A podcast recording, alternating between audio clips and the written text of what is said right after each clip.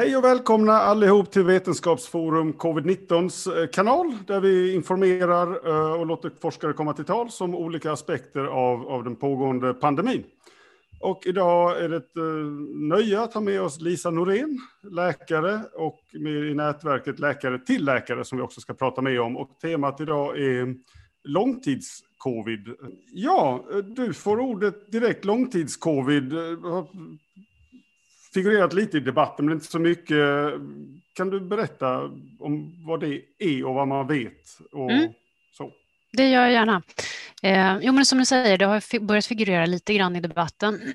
det har funnits, funnits på kartan sedan förra sommaren egentligen. Eh, att det har skrivits en del om det och eh, pratats om det i Sverige. Sen har det väl tyvärr varit så att det har dröjt med nationella eh, riktlinjer och information. Så att i brist på det tror jag att man får eh, snegla mer mot eh, utlandet och internationellt. Eh, men där mm. har det hänt väldigt mycket senaste veckorna, månaderna, att många stora aktörer som har tagit rejäla tag i det här och verkligen försöker lära sig mer om långtidscovid och försöka mappa upp vad det är för någonting och definitioner och vad man kan göra och vad man tror att allting beror på. Så det finns ju mycket, att, mycket att lära sig om där och mycket information att samla och det är det vi försöker göra i gruppen Läkare till läkare. Ja, så som jag har förstått det, det är runt 10 procent säger man av de som genomgår då eh, covid som får långtidscovid. Men det verkar vara ett väldigt brett begrepp. Alltså, vad, vad är detta? Vad, hur manifesterar det sig? Mm. Vi kan börja titta på definitionen då. Eh, och där beskriver engelska riktlinjer och även eh, WHOs riktlinjer att det är symptom som uppträder efter en första eh, inledande virusinfektion med covid-19. Så att symptomen uppkommer då eh, och att det sedan finns kvar eh, till tre månader eller längre. Eh, och att de, inte för, de symptomen inte förklaras med någon annan sjukdom, alltså att om jag haft astma hela livet och så har jag astma nu igen, då är det kanske inte långtidscovid, utan det är någonting som har dykt upp efter att man har haft en covidinfektion. Och det stämmer att 10 procent är ju en uppskattning som har gjorts eh, av den engelska motsvarigheten till Statistiska centralbyrån, mm. där man har tittat på eh, verifierade fall och sedan följt dem över tid och sett att ungefär 10 procent hade symptom när det hade gått tre månader. Nästa rapport vi väntar därifrån det är hur många som har det efter sex månader och den rapporten lär komma här, eh, ja, förmodligen inom kort tror vi. De siffrorna verkar också verifierade från andra delar av eh, världen så att där någonstans verkar det ligga. Men, men i den här paraplybeskrivningen, långtidscovid, så är det, det, det som jag förstått en hel palett av vitt skilda mm. symptom eller problem, grundläggande problematik. Mm, kan du ge någon slags kort överblick över? Jag tror att det är klokt att använda just det begreppet att det är en paraplydiagnos därför att eh, det är som sagt inte bara en sak som är långtidscovid utan det rymmer olika typer av delfenomen i det här där eh, några kan sägas vara fatig, alltså sån här kraftig mental trötthet som inte bara att man känner sig lite trött och hängig utan att det får enorm inverkan på ens dagliga liv.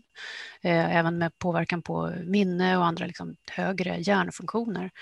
Mm. Det är en bild av det hela. En annan bild är ju Eh, svårigheter att andas, att man får lätt utlöst eh, andnöd av att eh, gå upp för en trappa eller att stå och laga mat till exempel. Tredje är det här med förlusten av lukt och smak. Fjärde är ju hjärtproblematik, hjärtklappning, snabb puls, sådana saker. Så att det finns massa olika symptombilder i det här som, som ryms under paraplyet, men där alla har det gemensamt att det har debuterat efter den första infektion med covid-19. Det som är lurigt med det här nu det är att det verkar variera en del över tid, alltså kommer och går, skovvis förlopp eh, och kan ibland också ändra skepnad, att det kanske börjar mest med eh, andnöd och sen kommer en period med enorm hjärntrötthet och sen efter det kommer en period med bröstsmärta. Så det är rätt utmanande för vården att ställa diagnos och det är enormt utmanande för patienterna att leva med den här berg och dalbanan av, av eh, symptom som, som kommer och går. Och eh, jag hade fått för mig att det var mest folk i min åldersgrupp som drabbades då, eh, eh, så 40-årsåldern där någonstans. Men det har jag förstått på dig att så är inte fallet, utan Nej, eh, jag kan bara flika in här också att det man tror är förklaringen till långtidscovid som man börjar ringa in nu, det är ju eh, att det dels verkar kunna ha att göra med att det är någon typ av kvarvarande virusaktivitet, antingen levande virus som gömmer sig någonstans eller att det är virusfragment som på något sätt är kvar i kroppen och retar. Eh, och dels att immunförsvaret är påverkat och eh, reagerar felaktigt eh, med en eh, för, för häftig aktivitet och det som man kallar för autoimmunitet, alltså att det egna immunförsvaret angriper den egna kroppen. Och det vet vi, det här senare, autoimmunitet, vet vi är vanligare hos kvinnor än hos män. Så att, eh, det stämmer också överens med långtidscovid, att det är något fler kvinnor som eh, verkar drabbas. Eh, men man eh, ser ju också att alla de här sakerna verkar förekomma i alla åldrar, från barn och unga upp till eh, unga vuxna, medelålders som vi kanske ska betrakta oss som, eh, men även äldre. Men att de som har uppmärksammats mest är ju de medelålders, därför att det kanske har varit lättast att se skillnaden i funktionsnedsättning där, att eh, tonåringar är trötta ändå så det kan vara svårt att avgöra. Och äldre kan ju ha problem med andning så att det, det kan ju finnas en variant i det. Nu, nu, nu när covid då 19 eh, huserar på diverse skolor här och där, menar du alltså att 10 procent av barn, alltså 10 till 20-årsåldern, drabbas av det här också?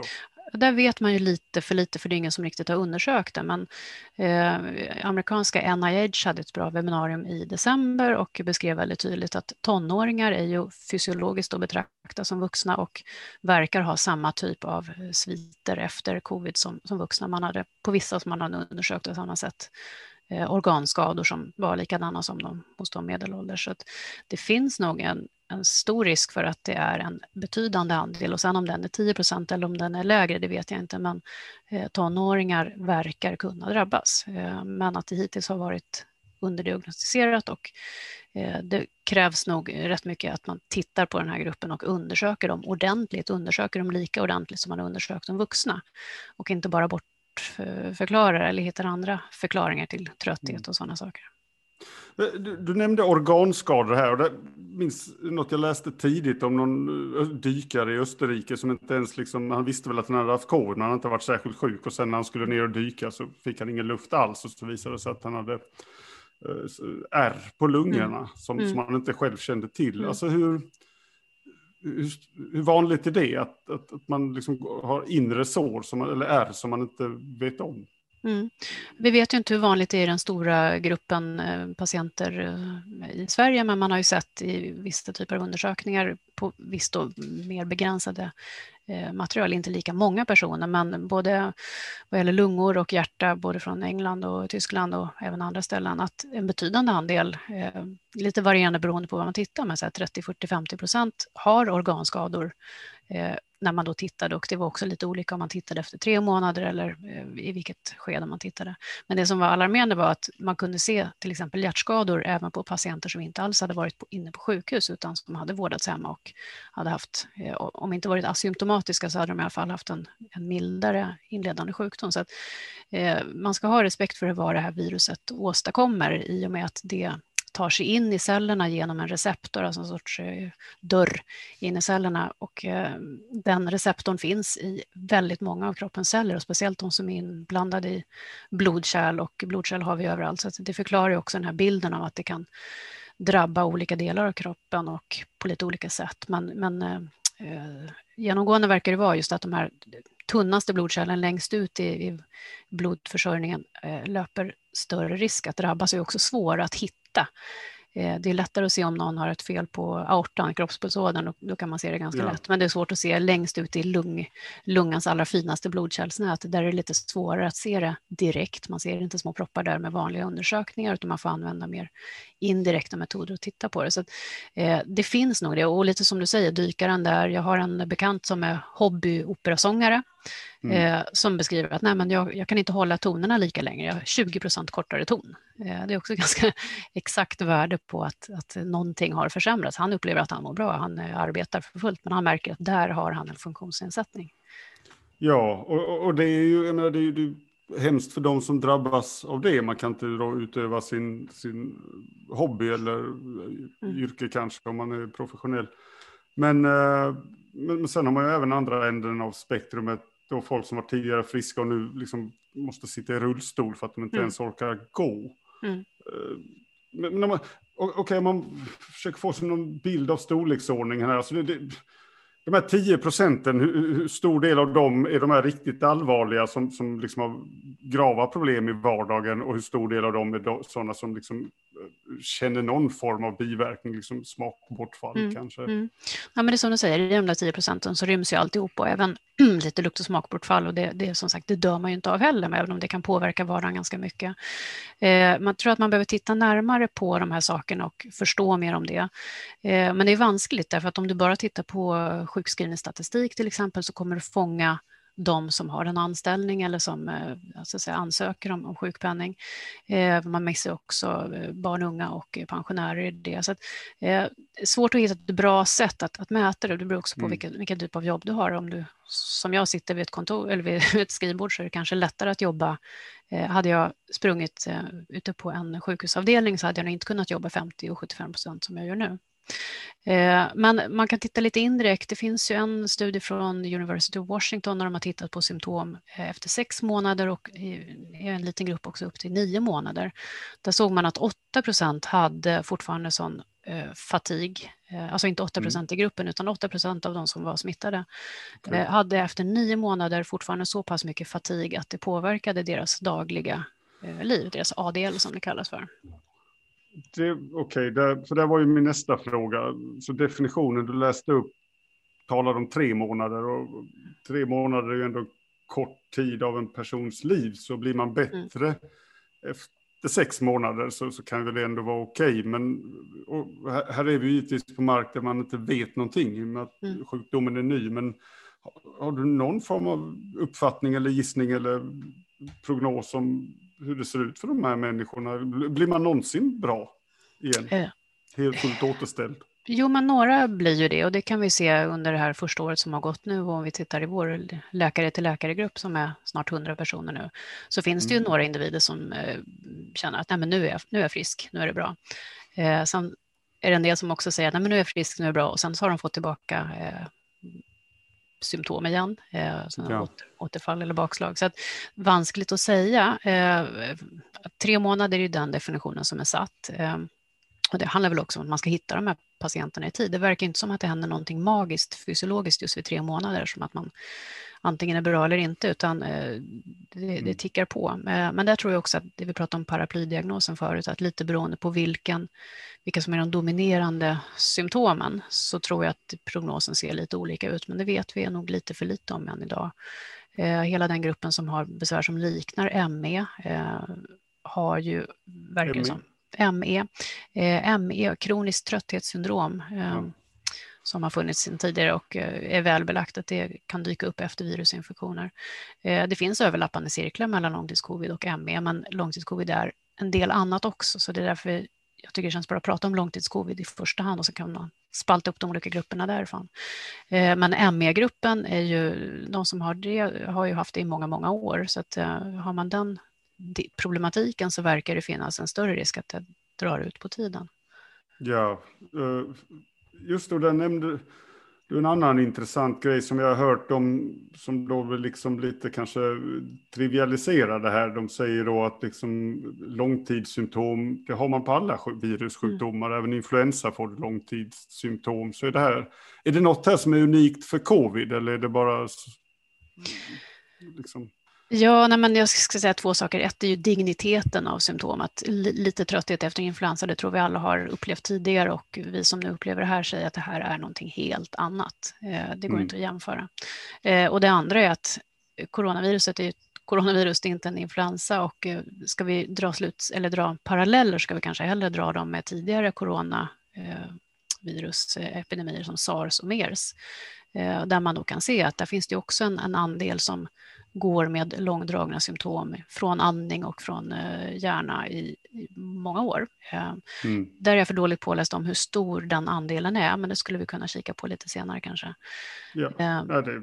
Men, det, men det förekommer, så att om man, ska, om man ska fundera på hur kommer covid te sig med tiden, så är det väl san, mer sannolikt att det ter sig som sars och mers än det gör hur influensa brukar te sig. Mm. Du, du, nämnde i förbigående nyss 30-50 procent får R på organ.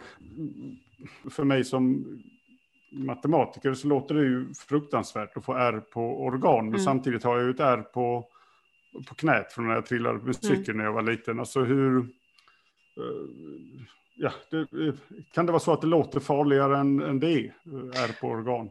Ja, det får väl tiden visa och det kanske stämmer också om vi tar operasångaren som exempel att eh, hans liv är ganska gott förutom att han inte kan ha riktigt samma ton som tidigare. Så det går säkert att leva ett väldigt gott liv eh, även med R. Och, eh, så.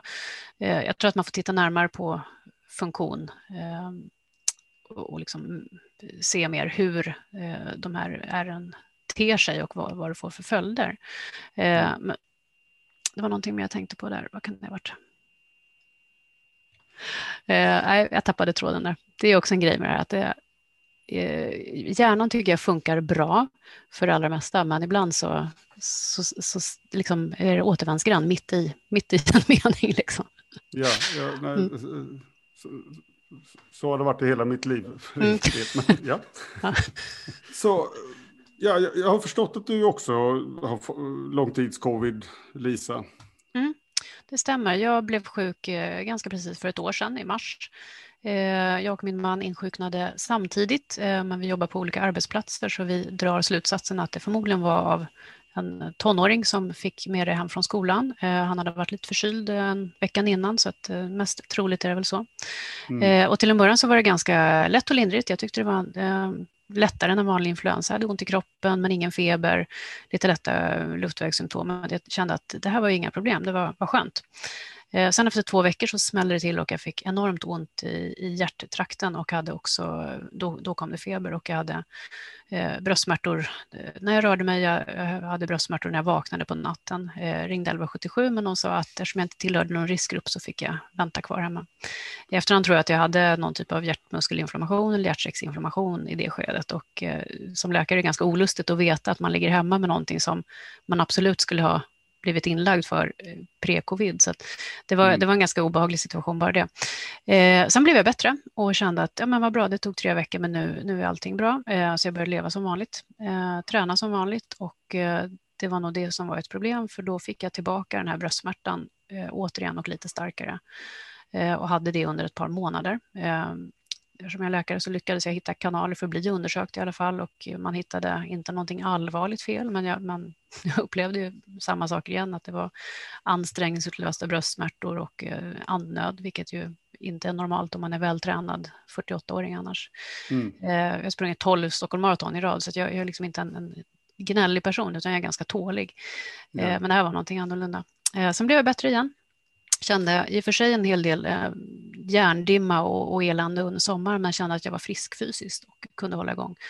Eh, och började träna återigen och återigen då för ännu en gång så fick jag tillbaka symptomen med bröstsmärtor och andnöd. Eh, möjligen då för att jag hade ansträngt mig för hårt. Och så har det tuffat på. Nu eh, tycker jag andningen är bättre, jag tycker hjärnan är bra, men jag känner fortfarande av att jag får eh, pulsrusningar eh, vid väldigt, väldigt lätt ansträngning. Och om jag tar i för mycket och försöker springa till exempel, då får jag en kärlkramp kärlkrampsliknande smärta. Mm. Eh, så, så är det. Jag, jag har pratat med andra som har långtidscovid och de beskriver precis det du säger att man, de är inte läkare då, men, men så hör de av sig till vårdcentral och, och får lite undersökningar gjorda. Och det låter som är symptomatiskt att det, det syns inget fel. Det syns mm. inte att det är något fel på den, men man känner att det är något som inte stämmer. Mm. Eh, vilket ju måste vara en väldigt jobbig situation. Men... Ja, nej, men jag tror problemet är också att man blir undersökt för de metoder som brukar funka i vanliga fall. Om du letar efter kärlkramp till exempel så är det vissa typer av undersökningar som det brukar visa sig på om du har trångt i kranskärlen runt hjärtat. Men det vi nu vet om den här sjukdomen är att det verkar drabba blodkärlen längre ut och då visar sig det inte riktigt på samma sätt som de vanliga gängsundersökningarna utan mycket handlar ju om att eh, sjukvården nu behöver lära sig vilka typer av undersökningar som man får napp på eh, och sen sprida den informationen till resten av, av, alla som möter patient så att man undersöker på rätt sätt. För annars är det bara meningslöst att man gör massa olika typer av undersökningar som inte har eh, potential att fånga det här avvikande. Nej, just det. Och, och, så du är nu med i det här nätverket eller gruppen, vad man kallar läkare till läkare. Hur, det är alltså andra läkare som också har haft, eh, eller som har långtidscovid, mm. erfarenhet av det. Hur bildades ni, eller hur kom det sig? Precis, ja, men det var av en händelse var det i en eh, läkargrupp på Facebook där man diskuterade nya kunskap kring covid-19 i, i, stort, så var det en husläkare som skrev ett inlägg en gång i april, tror jag, där han beskrev att han på sin vårdcentral hade sett en grupp patienter som delade samma Eh, bild att de var, ganska, de var tidigare unga och friska och medelålders och aktiva men nu hade de kraftig trötthet, bröstsmärta, eh, tung andning, eh, kraftig fatig, ledvärk och lite andra saker och undrade om någon annan hade sett något likadant. Han, ja, om, om hans teori stämde. Mm. Han fick ju flera hundra svar på några timmar. Eh, där jag, även jag svarade att jag har inte sett någon sån patient, men det här stämmer in på mig och så beskrev jag lite kort eh, hur det har varit. Eh, och det gjorde en del andra läkare också eh, som hade egen erfarenhet och då var det en driftig person som såg till att samla upp oss och eh, bildade en, en grupp av oss och frågade om, om vi ville vara med i en stödgrupp. Så, så startade gruppen och då var vi ett 20-30-tal tror jag det var. Sen har det tillkommit nya medlemmar sedan dess eh, och vi ser ett stort tillflöde nu här efter de som har blivit smittade i andra vågen. Och mm. ja, mer och mer, nu är vi ett hundratal. Jag tror vi passerar hundra idag eller imorgon och sånt där. Så från början var det en stödgrupp där vi då utbytte information. Vi delade med oss av våra symptom och eh, vad man hade testat för utredningar och behandlingar och vad vi hade läst för internationella studier. Eh, sen märkte vi efter ett tag att vi hade väldigt mycket kunskap om det här och att vi visste mer än de flesta andra. Eh, och då, där och då föddes ju tanken att ja, men vi kanske ska göra det här mer skalbart, att, att dela med oss av vår information så att fler kan få ta del av den. Och då bestämde vi oss för att starta vår hemsida langtidscovid.se. Och det beslutet tog vi i början av december när vi insåg att Socialstyrelsens material skulle dröja. Så att vi tänkte att ja, men då, vi, vi sätter upp det vi, det vi har, vi skriver ner det och gör det på en sida. Det behöver inte vara fancy på något sätt, men vi bara gör det så vi får ut det. Eh, och det tog oss en, en och en halv månad ungefär som vi inte jobbade heltid med det och så. Men vi fick i alla fall det på plats och vi har uppdaterat det nästan dagligen sedan dess. Så det, jag skulle säga att det är ett väldigt omfattande och bra stöd som vi nu dessutom har fått eh, faktagranskat av de som har träffat flest patienter med långtidscovid i Sverige, det vill säga de som är på Karolinska Solna. Så att det är ett gediget material vi har där och som vi känner vi, vi kan stå för och som vi också har fått feedback att det uppfattas som väldigt värdefullt för kollegorna ute i landet. Ja, så, så det riktar sig till andra läkare och inte till allmänheten så? Ja, så det, är en, nej, det är en öppen sida vem som helst kan gå in och läsa, men ja. Eh, det är viktigt för oss att uttrycka det som att det är ju läkare till läkare, därför att det är det språket vi skriver på och eh, mm. Eh, vi kan inte heller på något sätt antyda att vi får en läkar-patientrelation och ger råd till andra patienter, utan vi ger råd till andra läkare i hur de ska tänka kring den här sjukdomen och när de träffar sina patienter. Men är inte det lite märkligt, eh, speciellt kanske i ett land som Sverige där man liksom har mer eh, så, låtit viruset härja fritt, eh, mer än i omvärlden i alla fall, att, att, att det här görs på privat initiativ? Alltså borde inte det här liksom organiseras på något sätt från myndighetshåll? Jo, det hade vi också tyckt, men eftersom det verkade dröja så himla länge så tyckte vi att vi, vi behöver göra någonting i alla fall och då får det bli ett gräsrotsinitiativ. Eh, men jag hade ju hemskt gärna sett att Sverige hade varit lika långt framme som England till exempel som satte ihop en eh, taskforce redan i maj-juni och började jobba med de här frågorna och ta fram vårdprogram och starta kliniker och liksom lyfta behovet av det. Eh, mm. Det har ju dröjt betydligt längre än så här och vi har fortfarande inte riktigt sett någonting av vad som kommer hända. Just det, så någon, någon samlad någon, någon klinik där den här sortens problematik, liksom expertkunskap utvecklas och där man liksom dirigerar sådana här fall. Det, mm. det, är inget som finns i nuläget. Då. Det finns enstaka initiativ som har, som har startat just som, som är egna initiativ i Stockholm mm. och Östergötland. Eh, men det har inte ännu kommit några riktlinjer om hur hur hanteringen av den här patientgruppen ska ske. Eh, eftersom det är en ny sjukdom så är det väldigt viktigt att samla och centralisera kunskap och centralisera grupperna för att lära sig om dem och just som jag var inne på vilka undersökningar som man får napp på. Eh, problemet är att patientgruppen är så väldigt, väldigt stor så att alla kommer inte kunna gå på specialiserade mottagningar för utredning utan basen kommer behöva tas om hand om i primärvården men då är det viktigt att de har så uppdaterad kunskap som möjligt. Och, eh, det är vanskligt ja. om man, man, tror att man måste vänta på det perfekta kunskapsläget innan man kan presentera någonting utan man måste nog gräva där man står och våga agera även under osäkerhet och säga men vi vet inte allt, men de här bitarna vet vi. vi vet, nu har vi lärt oss det här sedan förra månaden, men så går man ut med den informationen. Eh, för jag tror som sagt basen kommer vara i primärvården, men det finns ett behov av multidisciplinära utredningsteam där man kan eh, snabbt samla kompetens om de här patienterna och också kunna vara en sorts konsultfunktion till sjukvården, att du ska kunna sitta på en vårdcentral, lyfta luren och ringa till den som är bäst på det här i din region och få ett vettigt svar. Det har ju till och med WHO gått ut med nu att de påbjuder sina medlemsländer att ha multidisciplinära eh, enheter för den här patientgruppen. Så det är inte så mycket att diskutera på om vi ska ha det tycker jag, utan jag tycker det är rimligt att vi, att vi gör på samma sätt som WHO rekommenderar, åtminstone ja. här. Ja, nej, det, det, låter ju som det är ett fantastiskt initiativ, som, jättebra. Hur, hur, har mot, hur har det här tagits emot av kollegor och chefer och, och myndigheter mm. och så? Nej, men övervägande positivt av kollegor, eller ska jag säga så här, av, jag vet att patienter läser också, vi får många mejl till vår mejladress där man tackar för att den här informationen finns och många har också delat den till sina husläkare och andra läkare att läs den här så blir ni blir ni klokare. Eh, men många läkare också som har gett feedback i olika sammanhang och sagt att ja, men det här är bra. Det, det, det är ett bra och tydligt. Det är liksom inte så mycket snicksnack. Det är inte jättetjusigt, men det är funktionellt stabilt. Mm. Eh, myndigheter, där fick, har vi fortfarande inte hört någon riktig kommentar, vare sig från Socialstyrelsen eller SBU eller Folkhälsomyndigheten, eh, om att det här finns, varken att det skulle vara något dåligt att vi har gjort ett eget initiativ eller att det skulle vara något bra. Så det är väl lite mer oklart vad de tycker tycker om det. Eh, men, men i stort så verkar det som att många uppskattar att sidan finns. Vi har eh, haft snart 200 000 besök på sidan, vilket vi tolkar som att behovet finns. Eh, och som sagt, vi fortsätter att jobba på det. En, en annan synvinkel på det här med långtidscovid, mer från lekmannahållet, har väl varit att jag, jag minns jag läste någon krönika i DN, det var Hanne Kjöller som menade på att om, om man bara tänkte lite positivt så gick det här nog bort och att det på något sätt, alltså coronapandemin har blivit så överexponerad i media så att, så att det här är ja, inbildningssjuka mm. i stort sett. Mm. Är det vad har du att säga om det och är det en vanlig föreställning bland folk? Ja, nej men vad skönt. vad skönt om det är så att en ledarskribent bara säger att man ska tänka lite mer positivt så blir det bra. Jag tycker det låter toppen, tack så mycket.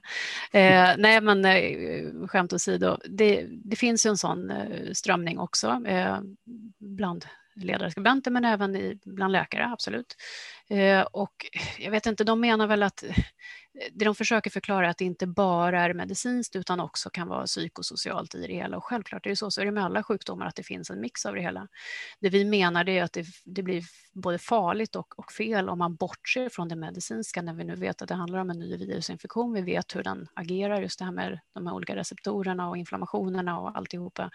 Eh, om man bara bortser från det och tänker att eh, ah, vi, vi struntar i det och du, om du bara tänker rätt tankar så kommer det bli bra. Så att jag tycker man måste kunna ha flera tankar i huvudet samtidigt att vi ska utreda allt det här medicinska på ett korrekt sätt och vi ska förstås liksom ha en helhetsbild på hur, hur, hur du fungerar i, i ditt liv i stort. Och om man då har det så blir det också ganska tydligt att de allra flesta jag har pratat med eh, hade inte särskilt mycket depressioner eller livsleda eller eh, annan obehagsintolerans när det här började, utan tvärtom. Det var väldigt välfungerande och balanserade mm. personer som drabbades av, av en sjukdom och sedan dess mm. har de här symptomen. Så, eh, ja, men vad ska man säga? Det är väl ett sätt att, att hantera sin egen eh, oro för belastning på sjukvården kanske eller belastning på andra system.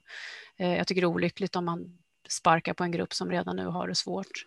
Sen ska man vara medveten om att det finns säkert enstaka fall i det här som, som kanske bara hittar på och som gör det för att slippa jobba. Visst, det kan säkert mm. finnas, men man kan, inte, man kan inte skjuta ner hela gruppen och säga att det här är inbildning. Eh, jag, jag som forskare själv upplever det som väldigt stötande att man utan någon som helst detaljkunskap bara går ut på ledarplats och tycker att det här är nog påhittat. Om, om man då har fel mm. så förolämpar man ju en grupp som, som är, liksom har fått sina liv förstörda liksom utan, utan någon ja. egentlig kunskap. Men, ja, det blir ganska eh, pinsamt för en själv också när man inte riktigt har haft koll på sina källor och inte riktigt kan förklara. Försö försöker framställa, alltså har mm. inga källor. Men det behöver vi kanske inte fördjupa oss i. Men den här attityden finns, vad jag vill komma till är om, om, om man då är person ute i landet som har de här långtidssymptomen och, och, kanske stöter på de här attityderna och framförallt då om man stöter på dem på vårdcentralen, då, då har man ju ett problem. Mm. Har du någon rekommendation där eller tips hur man ska bära sig åt för att få ta sina problem tagna på allvar? Ja, nej men alltså, bara som en bakgrund, att eh, det där kan ju vara en historia man har hört eller en känsla man har, men vi gjorde ett, ett försök att ändå samla in eh, en, en enkät från eh, en grupp drabbade med långtidscovid. Och som sagt, det var inte en vetenskaplig studie på något sätt, men vi, vi frågade 400-500 personer en del frågor om det här och det visade sig att ungefär 25 procent hade inte ens blivit kroppsundersökta på sin vårdcentral. Ganska många hade fått en ångestdiagnos och andra hade ja, fått olika diagnoser. Men det tycker jag var en ganska en fingervisning som man borde titta närmare på, någon som forskar mer på riktigt och borde titta mer på det. Eh, stämmer det här fortfarande med det vi vet idag? För i så fall så är det riktigt allvarligt att man inte ens undersöker patienterna men ändå ger en, en psykdiagnos. Eh, speciellt som man vet att mm. både fatig, eh, andnöd, sådana saker eh, hänger ihop. Alltså du, du, kan ha ångest på, på, grund av att du har för låg syresättning i blodet. Men om du inte ens undersöker patienten och kollar syresättningen och lyssnar på hjärta och lungor och kollar mm, puls och blodtryck så, så gör du en felaktig bedömning för att du inte har gjort du har inte gjort ditt jobb helt enkelt. Eh, så det är problematiskt och det finns någonting, det finns substans i det du säger. Eh, sen vad man ska göra som patient, där tänker jag att eh, det är förstås beroende på var man bor i landet och vilka möjligheter man har, men eh, det är ofta ett gott råd att rösta med fötterna och lämna en husläkare eller lämna en vårdcentral som inte bemöter dig på ett bra sätt och som inte använder sig av de senaste riktlinjerna. Har man möjlighet att byta så, så tycker jag man ska överväga det. Och det står väl även i patientlagen tror jag. Jag pratade med en jurist för ett tag sedan. Han, han säger att man, man har liksom rätt till en andra bedömning. Mm. Uh, om man har fått en bedömning man själv upplever som felaktig så kan man kräva att, att det ska utvärderas av Ja, nej, men sen ska man komma ihåg också att man, man som patient, så när du är listad någonstans så bidrar du med en, en, en patientpeng till den vårdcentralen. Så att det är bra för vårdcentralen att ha patienter och är man då inte en bra vårdcentral så riskerar man att tappa patienter och mm. tappa ersättning. Så det är ju ett incitament om något att, att faktiskt förbättras och hänga med i den här snabba kunskapsutvecklingen som krävs. Jag vet att det är utmanande och primärvården är tuff, tufft ansatt i alla fall idag med knappa resurser och alltihopa, men jag tycker inte heller att det är en ursäkt för att inte ta en ny sjukdom på det allvar som den förtjänar. Mm. Så du har blivit smittad av eh, covid och du har kontakt med många olika läkare. Har ni fått någon slags uppfattning om, om alltså på jobbet ni har blivit smittade eller, eller vet man liksom något mm. mer om det varierar smittvägar? I, det varierar i gruppen. Det eh, är väl några som är övertygade om att vi inte har blivit smittade på jobbet och det är absolut några som är övertygade om att de har det. Eh, till exempel att man har jobbat utan tillgång till rätt skyddsutrustning i tidigare skede av pandemin när det inte fanns eh, och när man klassificerade patienter på ett sätt som inte riktigt eh, var tillräckligt, eh, att det var tillräckligt säkerhetstänk bakom det. Mm. Jag vet några stycken i gruppen som faktiskt nu har fått sin sjukdomsperiod godkänd som arbetsskada och det är ganska många i vård, vårdsvängen som har fått det. Sist jag kollade var det väl 10 000 tror jag och då alltså läkare, sköterskor, undersköterskor och omvårdnadspersonal. Eh, så att det är ganska många det handlar om som faktiskt har blivit smittade på jobbet och har en funktionsnedsättning som då sitter i mer än ett halvår, vilket är definitionen för att få det som en arbetsskada. Där, där är du inne på en jätteintressant grej, för det är många då som inte har blivit, tag, blivit tagna på allvar, men som ändå inte kan sköta sina jobb riktigt och som nu håller på att bli utförsäkrade. Som, mm. så ersättningsnivåerna går ner i, mm. i, i, takt med att de fortsätter att vara sjuka.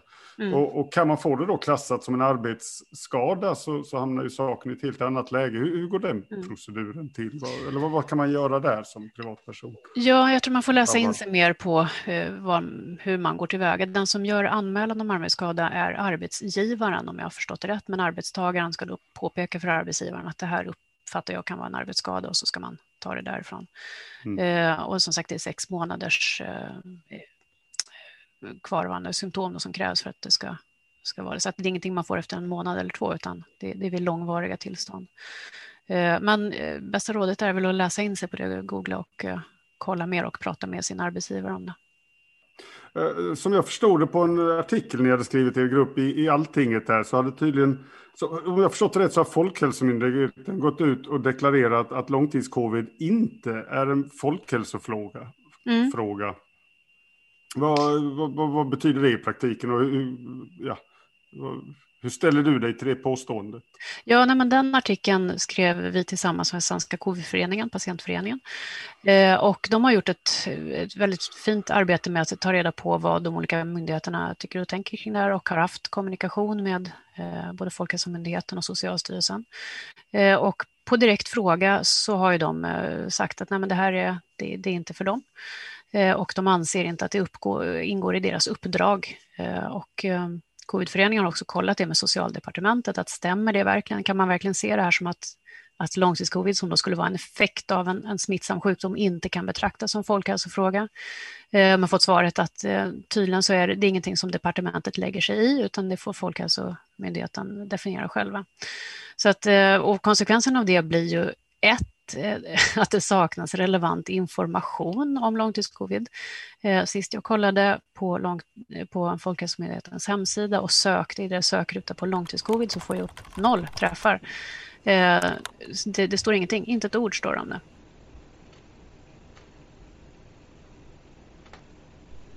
Socialstyrelsen har ju lite mer, de har en transkribering av ett poddavsnitt om långtidscovid det kan man hitta där. Men det finns liksom ingen officiell information om det här tillståndet eh, på de officiella myndigheternas hemsidor, vilket är väldigt märkligt. Om man då jämför med Sundhetsstyrelsen i Danmark som i höstas la ut väldigt bra information om vad som kunde hända och hur, hur det tedde sig och vart man skulle vända sig och sådana saker.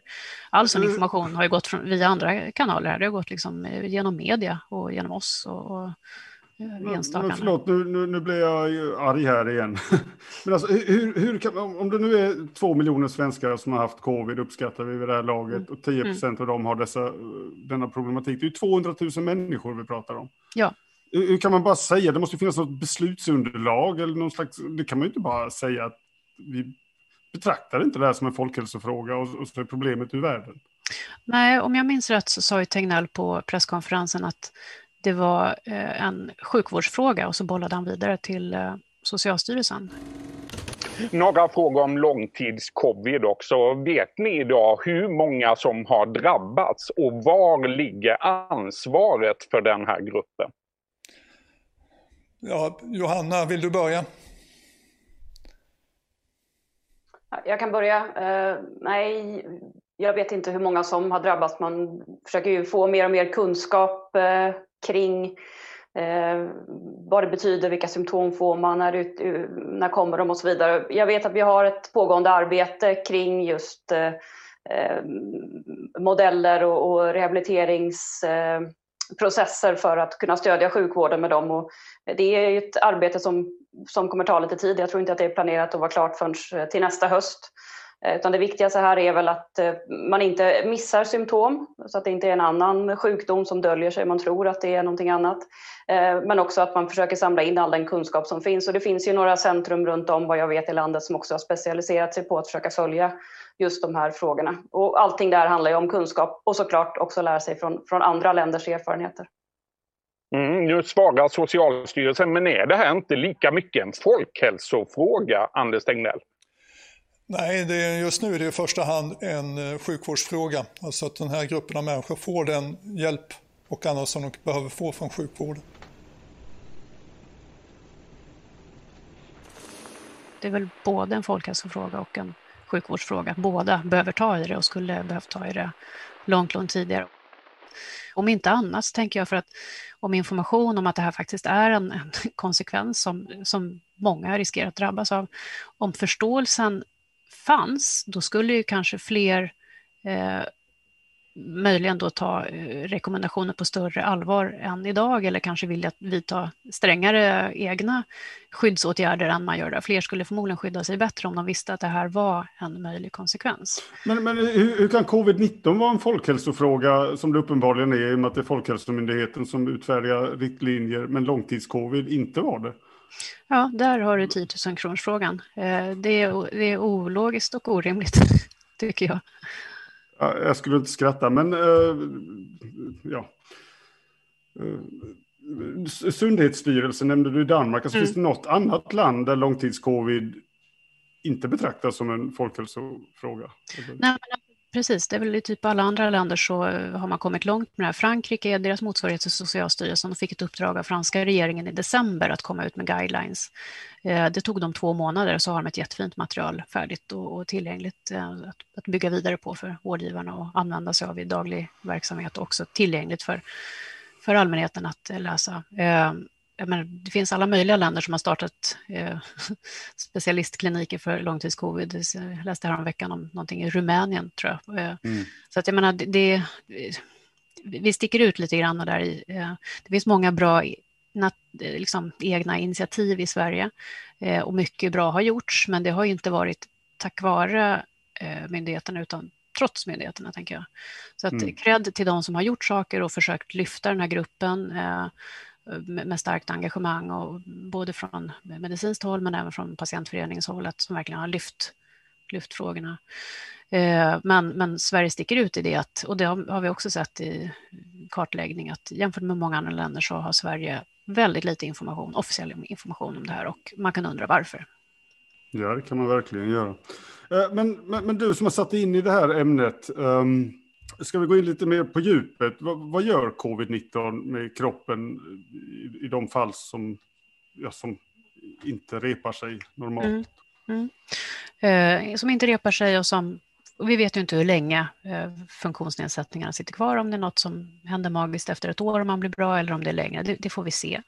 Eh, men man skulle kunna tänka sig lite sådär eh, schematiskt uppifrån och ner, att hjärna, hjärta, lungor eh, och sånt som drabbar hela kroppen så att om vi börjar med hjärna till exempel så har den här kraftiga tröttheten, fatig som vi pratade om, eh, som är alltså en, en, så påtaglig trötthet att man kan ha svårt att sitta upp till exempel, man har svårt att tänka klart, man eh, beskriver, en del beskriver att de nästan blir som dementa av det. Mm.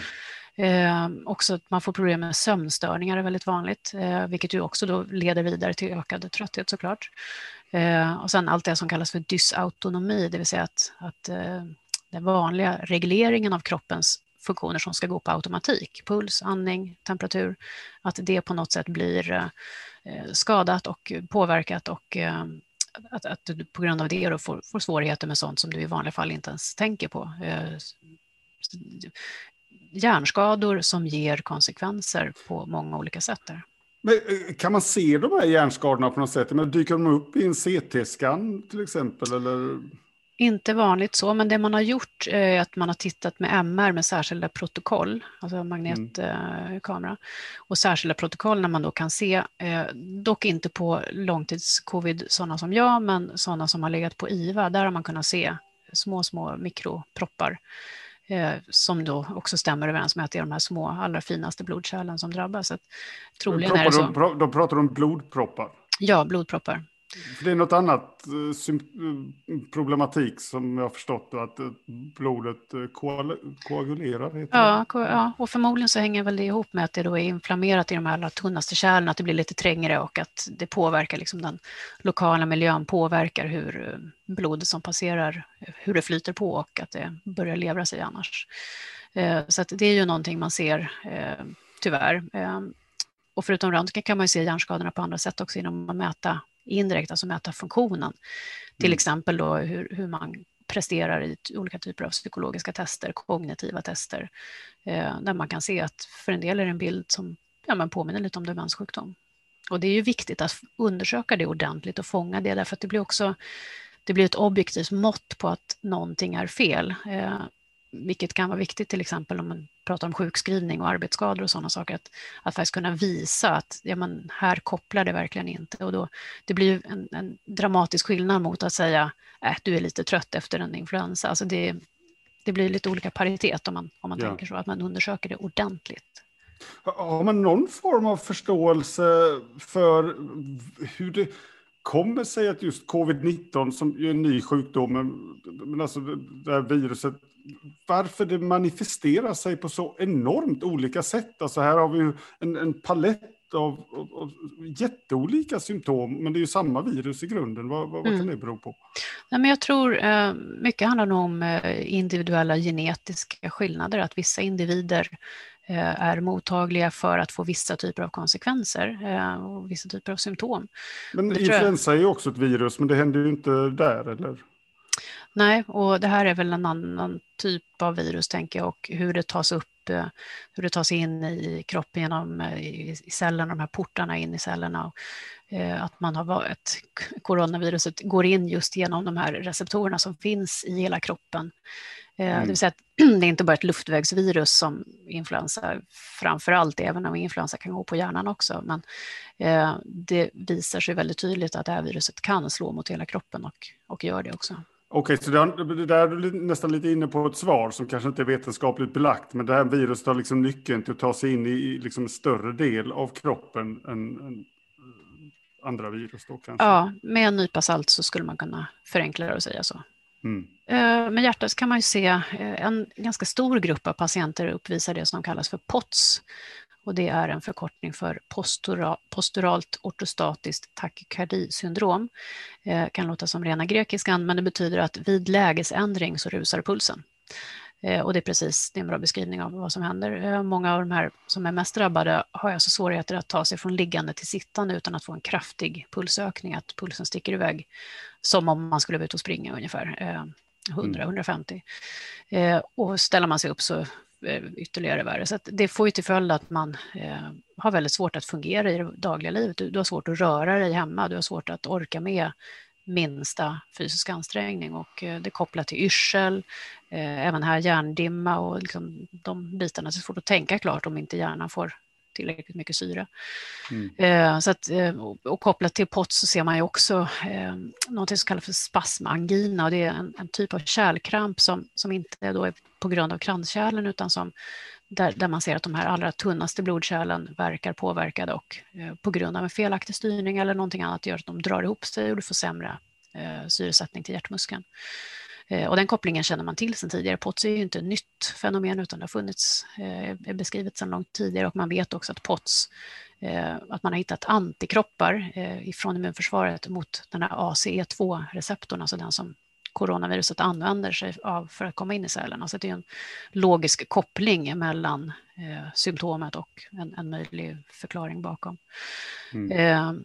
och även att man får någon, någon typ av annorlunda typ av hjärtmuskelinflammation, hjärtsäcksinflammation. Alltså inte det. det ser inte ut som det brukar, men symptomen och bilden i övrigt är som det. Så att har man den typen av besvär så är det också viktigt att känna till det så att man inte sätter igång och tränar aktivt de första månaderna, för det kan ju vara förenat med viss risk för rytmrubbningar och eh, Eh, ja, andra komplikationer. Så det är väldigt viktigt att man undersöks ordentligt med avseende på det också. Eh, och om man inte har blivit undersökt ordentligt ska man i alla fall veta om att risken finns och så att man själv kan fatta ett klokt beslut och inte springa eh, på max de närmsta månaderna efter att man börjat med det här. Så det är en viktig bit i det här också att komma ihåg. Pratar om lungorna så är det ju väldigt många som beskriver eh, att man får lättutlöst andnöd eh, vid minsta ansträngning. Och det man kan se om man undersöker den patientgruppen är att på en vanlig skiktröntgen över lungorna så ser man kanske ingenting, men om man beställer bilderna och tar dem med inandning och utandning, alltså att eh, lungan är så mm. Eh, expanderad som möjligt också, så, liten som möjligt, så kan man utifrån det se hur god är funktionen längst ut i lungorna och eh, många, eh, inklusive jag själv, har då någonting som kallas för air trapping, som är ett tecken på att man har en, någon typ av sjukdom längst ut i de här allra finaste luftvägarna. Och det är också väldigt lätt att missa om man tar en vanlig lungröntgen, syns det ingenting av det där, vanlig skiktröntgen syns inte, utan man måste beställa undersökningen på rätt sätt för att fånga det här, för att kunna mm. få ett, ett mått på det som alla beskriver, att ja, men jag känner att det här inte är som vanligt. Eh, och likaså att det verkar finnas en eh, fel, eh, felkoppling i lungan mellan eh, hur god ventilationen är, alltså hur, hur mycket gas som kan passera i de här lungblåsorna och hur mycket blod som passerar, vilket också skulle kunna förklara en del av den här syrebristen som, som många har. Så det är ju ganska allvarliga grejer man hittar om man verkligen letar efter eh, och letar efter det här på rätt sätt så hittar man saker, men man måste ha kunskapen om vad man letar efter och hur man ska hitta det. Så att eh, hjärna, hjärta, lungor är ju liksom tre stora grejer att titta på, men sen finns det ju så mycket annat också med eh, kvarvarande feber, påverkan på olika hormonsystem, både sköldkörtel, ämnesomsättning, eh, binjurar, adrenalin, kortisol som påverkar blodtryck och, och immunförsvar. Så det är väldigt mycket saker som påverkas. Man verkar se att viruset också kan gå in i bukspottkörteln. Det verkar finnas en lite ökad förekomst av diabetes i kölvattnet av det här. Eh, så att ehm, det här, man ska ha respekt för viruset och veta att man, man hittar rätt mycket om man bara letar efter och att, eh, att det bara handlar om att tänka goda och positiva tankar verkar ju orimligt när man tänker på den medicinska bakgrunden. Ja, verkligen. Um, tusan också, nu hade jag ju en fråga precis på mina läppar som jag... Du kanske haft långtidscovid? Ja. Känns det bättre? då, då har jag haft den sedan barnsben. Um, jo, det var angående vaccin, men det är väl för tidigt att fråga egentligen. Men vaccinen skyddar ju inte 100 procent. Men man har sett att det skyddar Eh, det är väldigt få i den vaccinerade gruppen som, har, som får allvarliga komplikationer, som hamnar på IVA och så. Eh, har man någon uppfattning än ifall vaccinen också kan minska kvoten som får de här långtidssymptomen? Det är nog en väldigt bra fråga som jag tror att vi får återkomma till om några månader i så fall, när det finns mer mm. material som tittar på det. Det man vet nu om vaccinet, och det har varit mycket diskussion, ska man vaccineras om man har pågående långtidscovid eller inte? Och där är det lite olika eh, diskussioner. Alltså, det som talar för att man ska göra det, det är att många patienter med autoimmun sjukdom verkar riskera att bli mer sjuka eh, av covid. Och, eh, om man då tänker att det kommer en andra, tredje, fjärde våg, så är det bra att undvika det och försöka vara vaccinerad. Eh, så att flera reumatikerförbund eh, rekommenderar ju det. Men det som talar emot, det är om det fortfarande är så att, att man har kvarvarande virus i kroppen, så är man ju lite osäker på vad som händer om man då puttar in ännu mer eh, retning i det här och om det kan mm. leda till försämring. Så att, I nuläget är det lite oklart. Många med långtidscovid vaccinerar sig och, och ja, återigen i vår lilla fokusgrupp i Läkare till läkare så håller vi på att titta på det, hur, men det blir väldigt små nummer och det blir inget vetenskapligt, men vi mer empiriskt och se vilka som verkar må bättre och eh, sämre. Man har ju mm. hört historier om sådana som har blivit tvärbra av att få en eh, vaccination och det låter ju alldeles toppen i så fall. Eh, vi får återkomma till det också tror jag. Ja. Jag jobbar ju på ett universitet själv som är helt eh, nedstängt. Jag har ingen salsundervisning, men när jag går in där så sitter studenterna ändå i, i foajén, där finns massa bord och studerar tätt i grupp och utan munskydd hela drösen i, i 20-årsåldern. Har du någon kommentar eller någon rekommendation till dessa ungdomar? Var rädda om er. Ehm, jag tror att många har haft en bild av att covid blir farligt om du hamnar på IVA och om du inte hamnar på IVA så är det ganska lugnt. Ehm, för att de allra flesta då skulle ha så mild sjukdom att man knappt ens märker det eller att det i alla fall inte blir några problem av det. Men man skulle önska att fler visste om att upp till 10 procent av de som smittas får kvarvarande symptom som verkar hänga kvar 3, 6, 9, 12 månader mm. eh, och som påverkar livet på ett dåligt sätt. Eh, kanske inte livshotande för de allra flesta, men definitivt livspåverkande. Eh, jag tycker man ska göra man ska, man ska ha möjlighet att göra kvalificerade egna val. Eh, och då behöver man ha tillgång till rätt information, man behöver veta om att det här förekommer. Eh, jag har ja. en eh, tidigare kollega som, som hörde av sig och sa att fram till i somras så trodde han nog inte att det här med covid var så allvarligt i alla fall. Alltså IVA kände han var en ganska liten risk och långtidscovid verkade mest vara psykiskt. Men nu hade han svängt om och insett att det, det är det här man ska vara rädd för. Eftersom mm. det påverkar mycket av det som man tycker är roligt i livet. Är munskydd ett bra sätt att skydda sig när man ändå ska ut i samhället och göra något? Ja, alltså skydda sig själv och skydda andra, tänker jag. Alltså ju fler som tänker på att skydda sina nära och kära och nästa runt om i samhället, desto bättre. Eh, jag tänker att med en mindre smittspridning så borde det bli färre som får långtidscovid och det skulle vara en bra sak. Ja, absolut. Det kanske får vara sista ordet. Eh, Tusen tack för att du tog dig tid att prata med oss här. Ja, men det Norén och, ja, Trevligt. Lycka till med ert framtida arbete. Jag ser fram emot att uh, följa. Mm. Jag hoppas kanske ha dig tillbaka här om ett halvår eller något. Kan vi ja, men gärna. Vi hörs. Det gör vi. Tack så mycket. Tack. Hej. Hej.